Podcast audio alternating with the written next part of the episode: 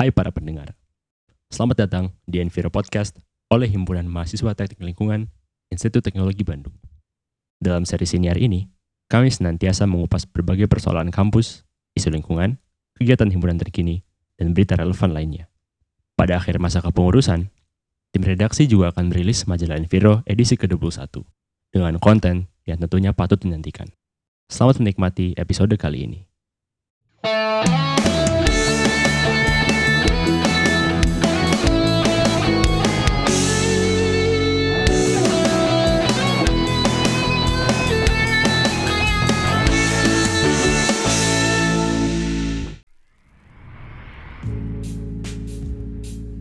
Selamat datang di podcast Viro MTL episode ketiga bersama gue Reza. Nah, berbeda dengan dua episode sebelumnya, kali ini kita kedatangan tamu dari luar kampus nih, tepatnya yaitu kampus sebelah. Nah, tamu kita kali ini adalah Audi Gusti Bayaki, atau yang biasa dipanggil Audi. Uh, welcome to the podcast, Audi. Halo uh, Reza dan kawan-kawan semua pendengar podcast pada hari ini. Oke, nah Audi ini uh, gue kenalin dulu sedikit. Jadi Audi adalah mahasiswa jurusan uh, Hukum UI, sekarang tingkat 4, sekaligus uh, co-founder dari Environmental Law Society atau LSFHUI, yaitu komunitas mahasiswa yang berfokus pada bidang hukum lingkungan. Nah, bersama Audi, kita akan membahas tentang isu yang kemarin-kemarin sedang hangat, yaitu UU Cipta Kerja yang baru aja di, ya beberapa minggu lalu disahkan banyak orang khawatir eh, akan dampaknya terhadap lingkungan. Namun kita di podcast kali ini kita nggak akan bahas tentang uh, dampak lingkungan dari Cipta Kerja secara luas, tapi kita akan berfokus tentang uh, kaitannya dengan aksi terhadap perubahan iklim, khususnya yang terdampak dari Cipta Kerja, yaitu tentang upaya hukum untuk mitigasi perubahan iklim, atau yang uh, istilahnya dihukum adalah litigasi perubahan iklim.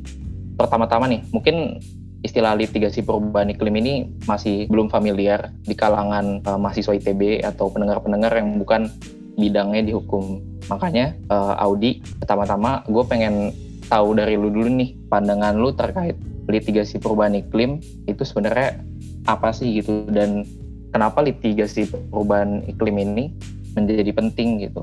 Hmm, Oke, okay, Za. Uh, ini sebenarnya suatu pertanyaan yang mungkin dari teman-teman semuanya pun juga nggak terlalu tahu ya oh ternyata uh, bidang hukum ini pun juga bisa masuk ke ranah uh, orang-orang yang mungkin kita bilang sebagai uh, saintis saja pun uh, saintis aja yang bisa membicarakan mengenai topik perubahan iklim gitu.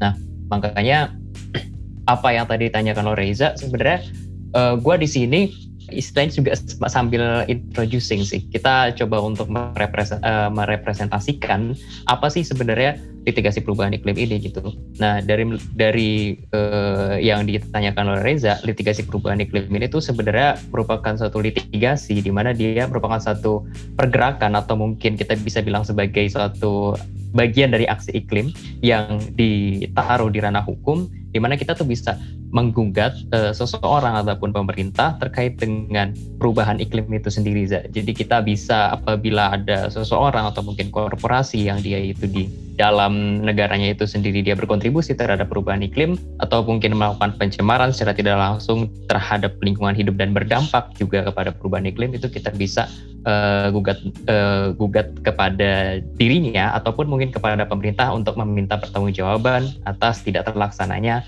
regulasi ataupun ketentuan yang menjadi dasar terhadap mitigasi dan adaptasi perubahan iklim. Oke, berarti ini kalau gue lihat semacam bisa menjadi semacam solusi juga ya atas kebuntuan uh, ya masyarakat ya khususnya yang sekarang ini kan perubahan iklim dipandangnya sebagai bahkan disebutnya udah krisis iklim gitu karena udah sebegitu uh, urgentnya uh, masyarakat udah merasakan dampaknya dan banyak organisasi lingkungan hidup yang udah bisa dibilang resah gitu ya termasuk uh, HMTL juga yang cukup fokus ke masalah perubahan iklim ini. Namun selama ini yang kita lakuin ini paling uh, kajian atau misalnya uh, membuat edukasi atau misalnya juga kita ikutan aksi-aksi jalanan tapi kalau dari perspektifku sendiri gue belum melihat adanya dampak yang berarti gitu ya selama bertahun-tahun atau bahkan mungkin sebelum eh, masa-masa sekarang juga sebenarnya udah mungkin udah hampir 10 tahun atau mungkin puluhan tahun isu perubahan iklim ini udah menjadi concern tapi kita belum melihat perubahan. Nah makanya kalau dari penjelasan Audi tadi gue melihatnya ini menjadi suatu uh, alternatif mungkinnya yang ke depannya bisa menjadi uh, jalan bagi pihak-pihak uh, masyarakat untuk uh, memitigasi atau adaptasi perubahan iklim ini. Nah uh, tapi dari penjelasannya tadi uh, mungkin uh, pendengar ini juga masih belum nangkep banget nih. Sebenarnya tadi kan litigasi gitu ya. Nah, sebenarnya yang menjadi batasan uh, litigasi perubahan iklim tuh apa sih? Maksudnya dia bisa di upaya hukum seperti apa sebenarnya yang bisa dikatakan sebagai uh, perubahan iklim dan mungkin bisa dielaborasi lagi uh, bentuk-bentuknya tuh yang seperti apa biar lebih kebayang kayak gitu. Oke. Nah, jadi begini, ketika kita bicara mengenai litigasi perubahan iklim, itu ternyata ya, ternyata tidak sempit mengenai apakah kita menggugat dengan dasar uh, perubahan iklim itu sendiri atau mungkin dasarnya adalah kenaikan suhu gitu ya yang disebabkan oleh suatu perbuatan. Nah, tapi kita juga bisa mengategorikan dengan beberapa kelas gitu. Ada beberapa kelas-kelas yang gue juga mengutip salah satu perkataan dari Jacqueline Peel dan Os uh, dan Osowski itu merupakan salah satu dosen dari Universitas uh, Melbourne University di Australia.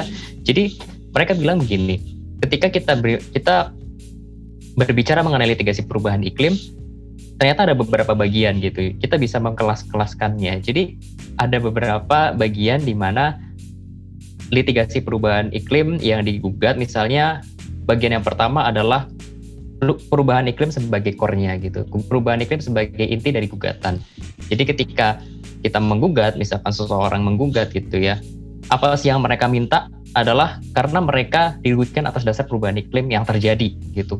Terus mereka minta ganti kerugian atau mungkin minta pertanggungjawaban terhadap tergugat gitu ya.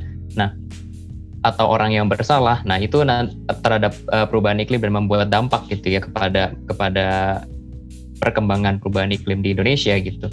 Nah, itu perubahan iklim itu sebagai salah satu kategorinya gitu. Nah, ada kelas yang kedua yaitu gimana kita bisa menempatkan perubahan iklim itu sebagai side book side uh, case. Jadi ketika kita menggugat sesuatu, misalnya ada salah satu contoh gitu, contoh kasusnya adalah Liuya versus RWE. Uh, jadi ketika uh, li, sorry, Komari versus uh, kasus lainnya adalah Komari DKK versus uh, Gubernur Kalimantan Timur gitu ya, dan juga Bupati Samarinda. Jadi ketika itu kasus tersebut itu dimulai ketika masyarakat itu resah karena keberadaan uh, keberadaan pertambangan batu bara yang dekat dengan perumahan warganya gitu. Ketika ketika dia melihat ada uh, uh, apa namanya pencemaran, terus juga kerusakan lingkungan dan menyebabkan perubahan iklim dikarenakan adanya uh, tak pertambangan batu bara ini, pada akhirnya dia uh, menggugat itu ke pengadilan Samarinda dan yang jadi tergugatnya adalah yang diminta pertanggungjawaban adalah Bupati Samarinda atas dasar dia meminta supaya dicabutnya izin usaha pertambangan karena di, karena tidak sesuai dengan AMDAL dan pun juga eh, dikarenakan partisipasi masyarakat tidak ada dalam pembuatan AMDAL dan juga izin lingkungan ini sendiri gitu.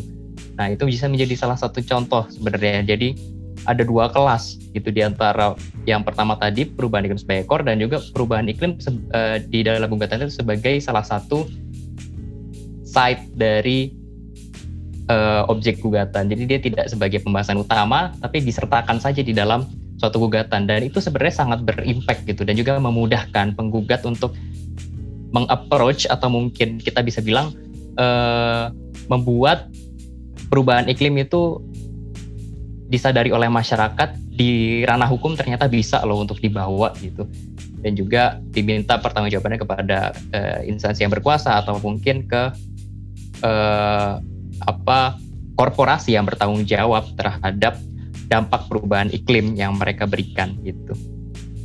Oke, berarti kasus yang kita nggak gugat secara langsung atas dasar perubahan iklim pun sebenarnya bisa dikatakan sebagai litigasi perubahan iklim ya kesimpulannya jadi kayak misalnya yang tadi PLTU terus kita nggak gugatnya amdalnya tapi karena ya karena proyeknya itu berhubungan sama perubahan iklim jadinya masuk litigasi jadi artinya uh, kadang kita di kasus tertentu kita nggak perlu susah-susah untuk ngebuktiin tentang perubahan iklim ya kan ya berarti iya iya benar banget benar banget oke nah dari uh, pembedaan itu ya artinya kan uh, di satu sisi itu litigasi perubahan iklim sebenarnya punya peluang tuh dengan adanya celah-celah uh, kita menggugat dengan tanpa langsung mengadres masalah perubahan iklimnya tapi melalui tadi AMDAL dan mungkin izin lingkungan dan lain-lainnya. Nah, tapi uh, perkembangannya gimana sih sebenarnya di kenyataannya tuh apakah dari dulu sampai sekarang itu uh, udah banyak yang berhasil gitu ya dan membawa perubahan uh, terhadap lingkungan atau seperti apa tuh? Oke, okay. mungkin gue akan bawa ke luar dari Indonesia dulu ya Zaya. Jadi ketika apa namanya litigasi perubahan iklim ini muncul sebenarnya tuh udah lama banget kalau di dunia kita tuh bisa uh, melihat litigasi perubahan iklim ini salah satu uh, negara yang mungkin dia punya pengaruh apa namanya pengadilannya punya pengaruh luar biasa gitu ya terhadap uh, progres dari litigasi perubahan iklim ini adalah Amerika Serikat salah satunya dan kedua itu Australia gitu. Nah jadi uh, di Amerika Serikat itu sendiri uh, sorry di dunia itu sendiri sudah tercatat lebih dari seribu. Lebih dari seribu dari tahun semenjak 1985 sampai dengan sekarang seribu gugatan perubahan iklim mulai dari gugatan ke pemerintah mulai dari gugatan ke korporasi gitu dan hampir dari 500-nya adalah gugatan-gugatan yang dilayangkan di Amerika Serikat di pengadilan Amerika Serikat gitu baik di negara bagiannya di uh, di beberapa negara-negara bagiannya mulai dari Massachusetts terus juga Connecticut dan segala macam. Nah salah satu case yang dia menang uh, di pengadilan di Amerika Serikat itu adalah dan berdampak sampai sekarang terhadap perkembangan perubahan iklim itu adalah Massachusetts versus EPA.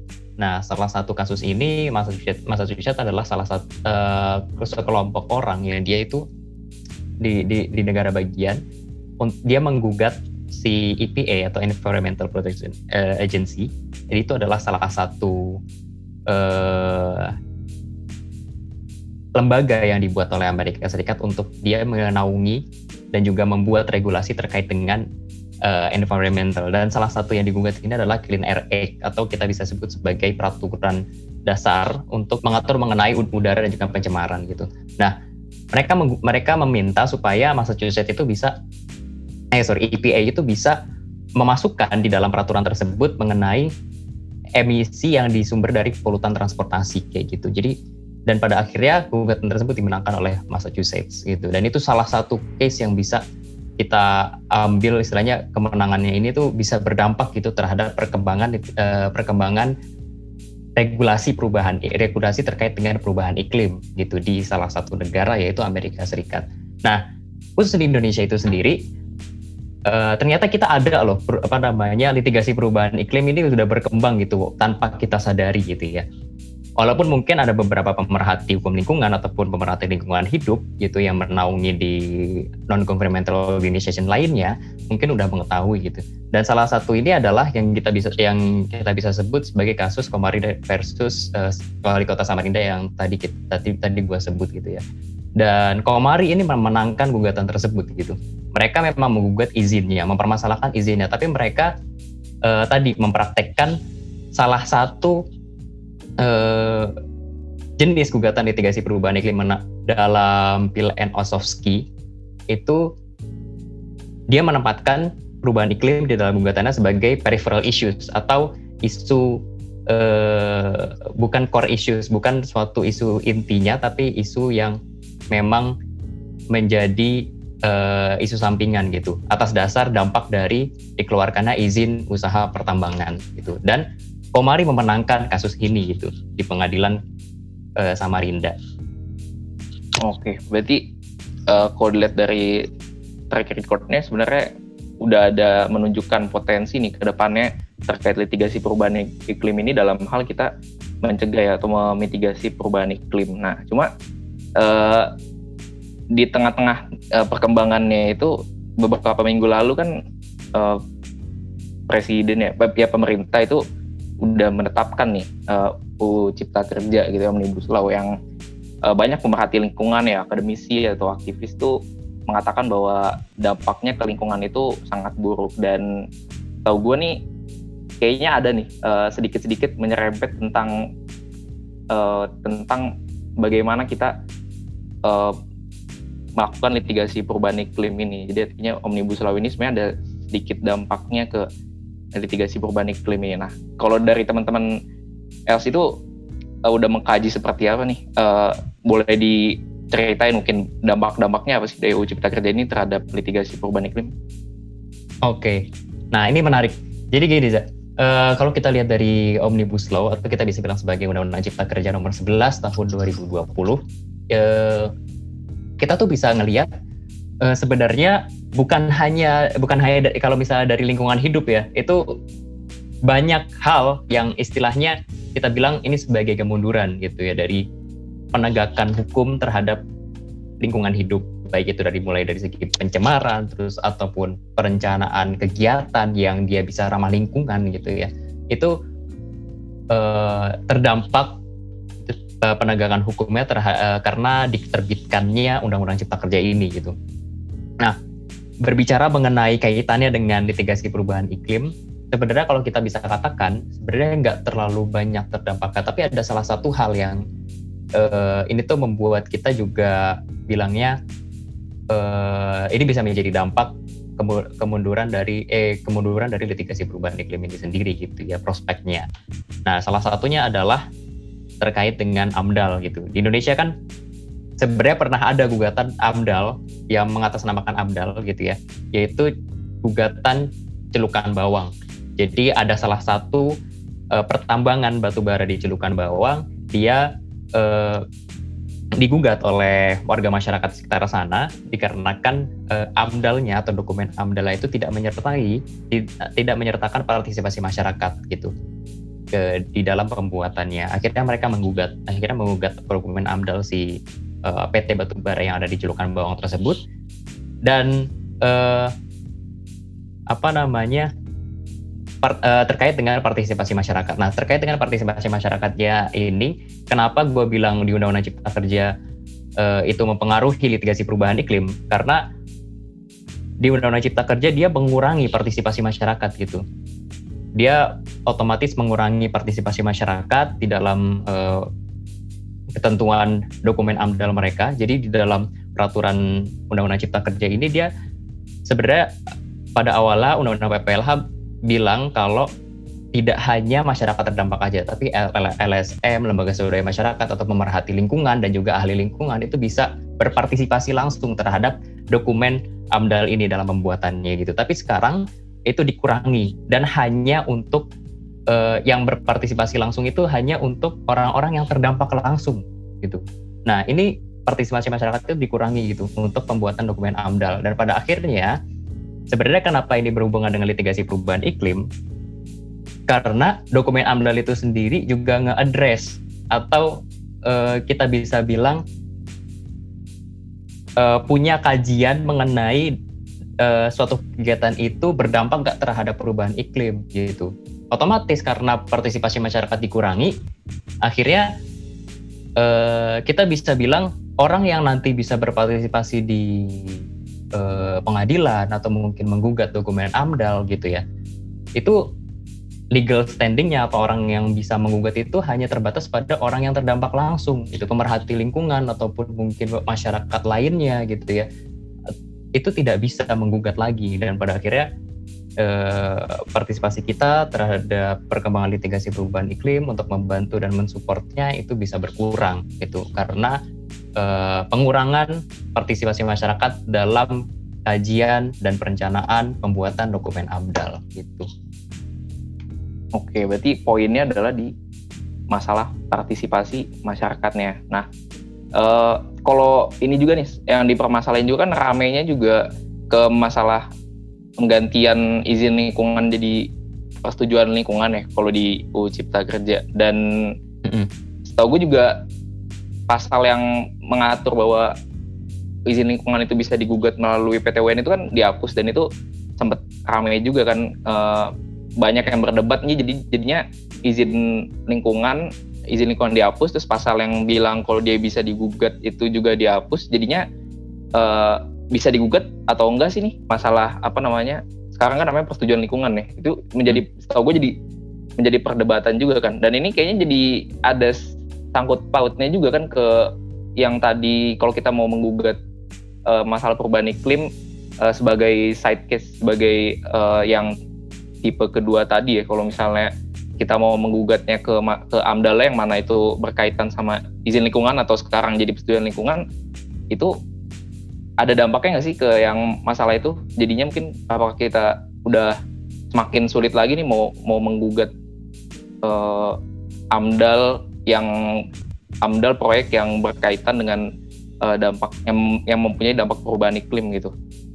Uh, mungkin dari kata bahasanya dulu kali ya persetujuan lingkungan gitu. Hmm, mungkin orang-orang bilang persetujuan lingkungan ini tuh uh, udah berbeda gitu dengan izin lingkungan tapi sebenarnya kalau secara tata bahasa hukum ini sebenarnya hampir sama gitu. Karena kalau misalnya kita bilang suatu izin izin itu adalah kebolehan gitu. Memperbolehkan sesuatu yang tadinya atau sebelumnya itu dilarang gitu. Nah hmm. jadi uh, kalau misalnya kita ubah bahasanya ke dalam persetujuan itu memang masih bisa dikatakan sebagai izin juga. Tapi ketika kita lihat lagi di Undang-Undang Cipta Kerja gitu ya, ada beberapa masalah yang mungkin itu berhubungan dengan apa yang lo tanyakan tadi gitu. Salah satunya adalah dalam proses pembuatan atau persetujuan lingkungan ini itu kan ada di dalamnya yang tadi gue katakan pembuatan dokumen AMDAL ya gitu. Nah ini tuh pertama partisipasi masyarakat dikurangi gitu kayak yang tadi gue sebut gitu dan terus ada beberapa hal seperti pemerhati lingkungan yang tadinya itu bisa menggugat itu tidak ada di di di, di ya menggugat izin lingkungan gitu ya. Tidak ada di dalam uh, prosedur persetujuan lingkungan gitu. Dan yang anehnya adalah proses untuk pembuatan persetujuan lingkungan ini tuh menimbulkan kerancuan karena udah banyak banget istilah-istilahnya. Bahkan gue pun sama teman-teman di ELS juga masih kebingungan karena ngelihat rancangan PP-nya pun juga pasti hmm, berantakan. tuh ya PP-nya. Mm -mm. Hmm. Uh, eh, RPP-nya pun juga masih agak berantakan, tapi ada beberapa hal juga gitu yang membuat kita tuh belum bisa menentukan nih apakah ini bisa bisa bisa membawa apa kepada sustainable development gitu di sisi lain untuk mengurangi birokrasi dan juga mempermudah usaha tapi apakah hanya untuk mempermudah usaha saja tapi tidak peduli terhadap uh, lingkungan hidup ataupun perubahan iklim gitu. Nah mungkinnya uh, kalau kita, kalau membahas mengenai hal tersebut gue bilang ini uh, pemerintah masih di dalam regulasinya ada beberapa kerancuan gitu sih. Nah makanya perlu kita sadari lagi supaya di dalam pembuatan Undang-Undang Cipta Kerja ini, terutama dalam perumusan persetujuan lingkungan, itu bisa dihandle dengan baik gitu. Dan jangan sampai persetujuan lingkungan itu hanya hanya akan mempermudah usaha saja, tapi dia tidak mempedulikan lingkungan gitu. Yang ada beberapa satu klausul yang memang mungkin uh, tadi itu kita agak riskan gitu dalam undang-undang cipta kerja. Kenapa? Karena uh, apa namanya korporasi itu bisa saja untuk bisa mendaftarkan mendaftarkan izin usahanya sebelum uh, diperbolehkan gitu. Sebelum diperbolehkan persetujuan lingkungan ini gitu. Jadi kayak persetuju, uh, jadi ada beberapa misalnya ada dokumen di mana disebut sebagai dokumen uh, bisa disebut sebagai dokumen kesiapan atau kelaikan lah. Dokumen di mana dokumen itu tuh bilang untuk kayak kalau misalnya gue korporasi, gue menyetujui nih gitu. Gue pengen bikin izin, uh, pengen bikin izin usaha, terus ada persyaratannya adalah dokumen persetujuan lingkungan, terus gue bilang iya gue setuju gitu kan. Tapi dia sebenarnya di dalam dokumen AMDAL gitu-gitu tuh masih belum bisa masih masih belum bisa di, di, dilakukan. Belum belum bisa dilakukan sebenarnya gitu kan. Karena memang mungkin masih dalam progres. Tapi ternyata izin usaha itu bisa diterbitkan langsung gitu. Karena dengan hmm. bilang kalau dia berkomitmen untuk terhadap lingkungan hidup gitu. Oke oke oke. Berarti uh, poinnya itu di kerancuan itu ya. Jadinya mungkin kalau dilihat dari dibaca dari uh, peraturannya kelihatannya misalnya masih bisa kelihatannya uh, ada sisi baiknya nih apa namanya persetu, uh, persetujuan lingkungan gitu. Namanya kan masih persetujuan lingkungan. Kan alasan pemerintah kan ngebuat persetujuan lingkungan itu oh dengan kalau kita buat persetujuan lingkungan ini justru malah uh, dari birokrasinya lebih jelas lebih mudah dan juga katanya bisa langsung digugat. Uh, jadi karena persetujuan lingkungan ini nyatu sama uh, perizinan berusaha masalah jadi kalau kita gugat langsung ke usahanya. Kalau dulu kan izin lingkungan tapi nyatanya justru ini malah menimbulkan kehancuran yang kayaknya berarti malah makin sulit ya kita buat um, nantinya melakukan gugatan karena ya itu tadi penafsirannya masih masih sangat rancu kayak gitu kan iya betul sih oke. Nah uh, ngomongin lagi nih soal uh, peluang tadi uh, masalah tren ya. Ini terlepas dari UU Cipta Kerja yang ya gimana ya? Ini mungkin kita kita tunggu aja perkembangannya apakah nanti bakal membaik. Dan mungkin ya semoga di RPP-nya bisa ada masukan-masukan mungkin dari teman-teman hukum dan dari ahli-ahli sehingga bisa memperjelas masalah kerancuan ini. Tapi kalau kita ngelihat uh, di luar dari masalah omnibus law ini uh, di Indonesia kan tadi udah sempat disinggung nih ada ada peluang nih uh, litigasi perubahan iklim ini berkembang dan menjadi solusi uh, atas aksi mitigasi perubahan iklim di Indonesia. Nah, uh, sebenarnya apa sih yang menjadi menjadikan litigasi perubahan iklim ini berpeluang gitu untuk ke depannya di Indonesia selain tadi memang secara teori bisa digugat nggak harus atas dasar perubahan iklim tapi bisa melalui uh, sebagai side case gitu Indonesia punya keistimewaan apa sih sebenarnya? Nah oke okay. jadi tuh di Indonesia tuh punya beberapa kemudahan gitu ya atau prospek lah istilahnya prospek supaya litigasi perubahan iklim ini tuh di, berkembang gitu di Indonesia. Karena kita lihat perkembangannya kan juga masih jauh kalau dikatakan di kalau kita bandingkan dengan Amerika Serikat ataupun Australia ataupun negara negara-negara di European Union itu sendiri gitu ya.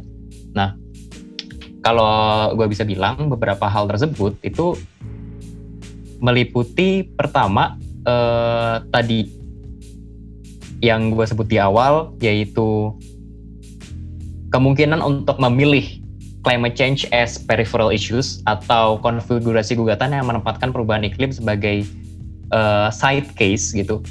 Jadi ini tuh bisa lebih memudahkan penggugat gitu, lebih memudahkan penggugat untuk memasukkan dan membuktikan bahwa memang ada dampak dari suatu kegiatan gitu dalam perubahan iklim. Nah ini salah satu contohnya yang gue sebut tadi Komari DKK versus Kota Samarinda dan juga kasus celukan bawang gitu.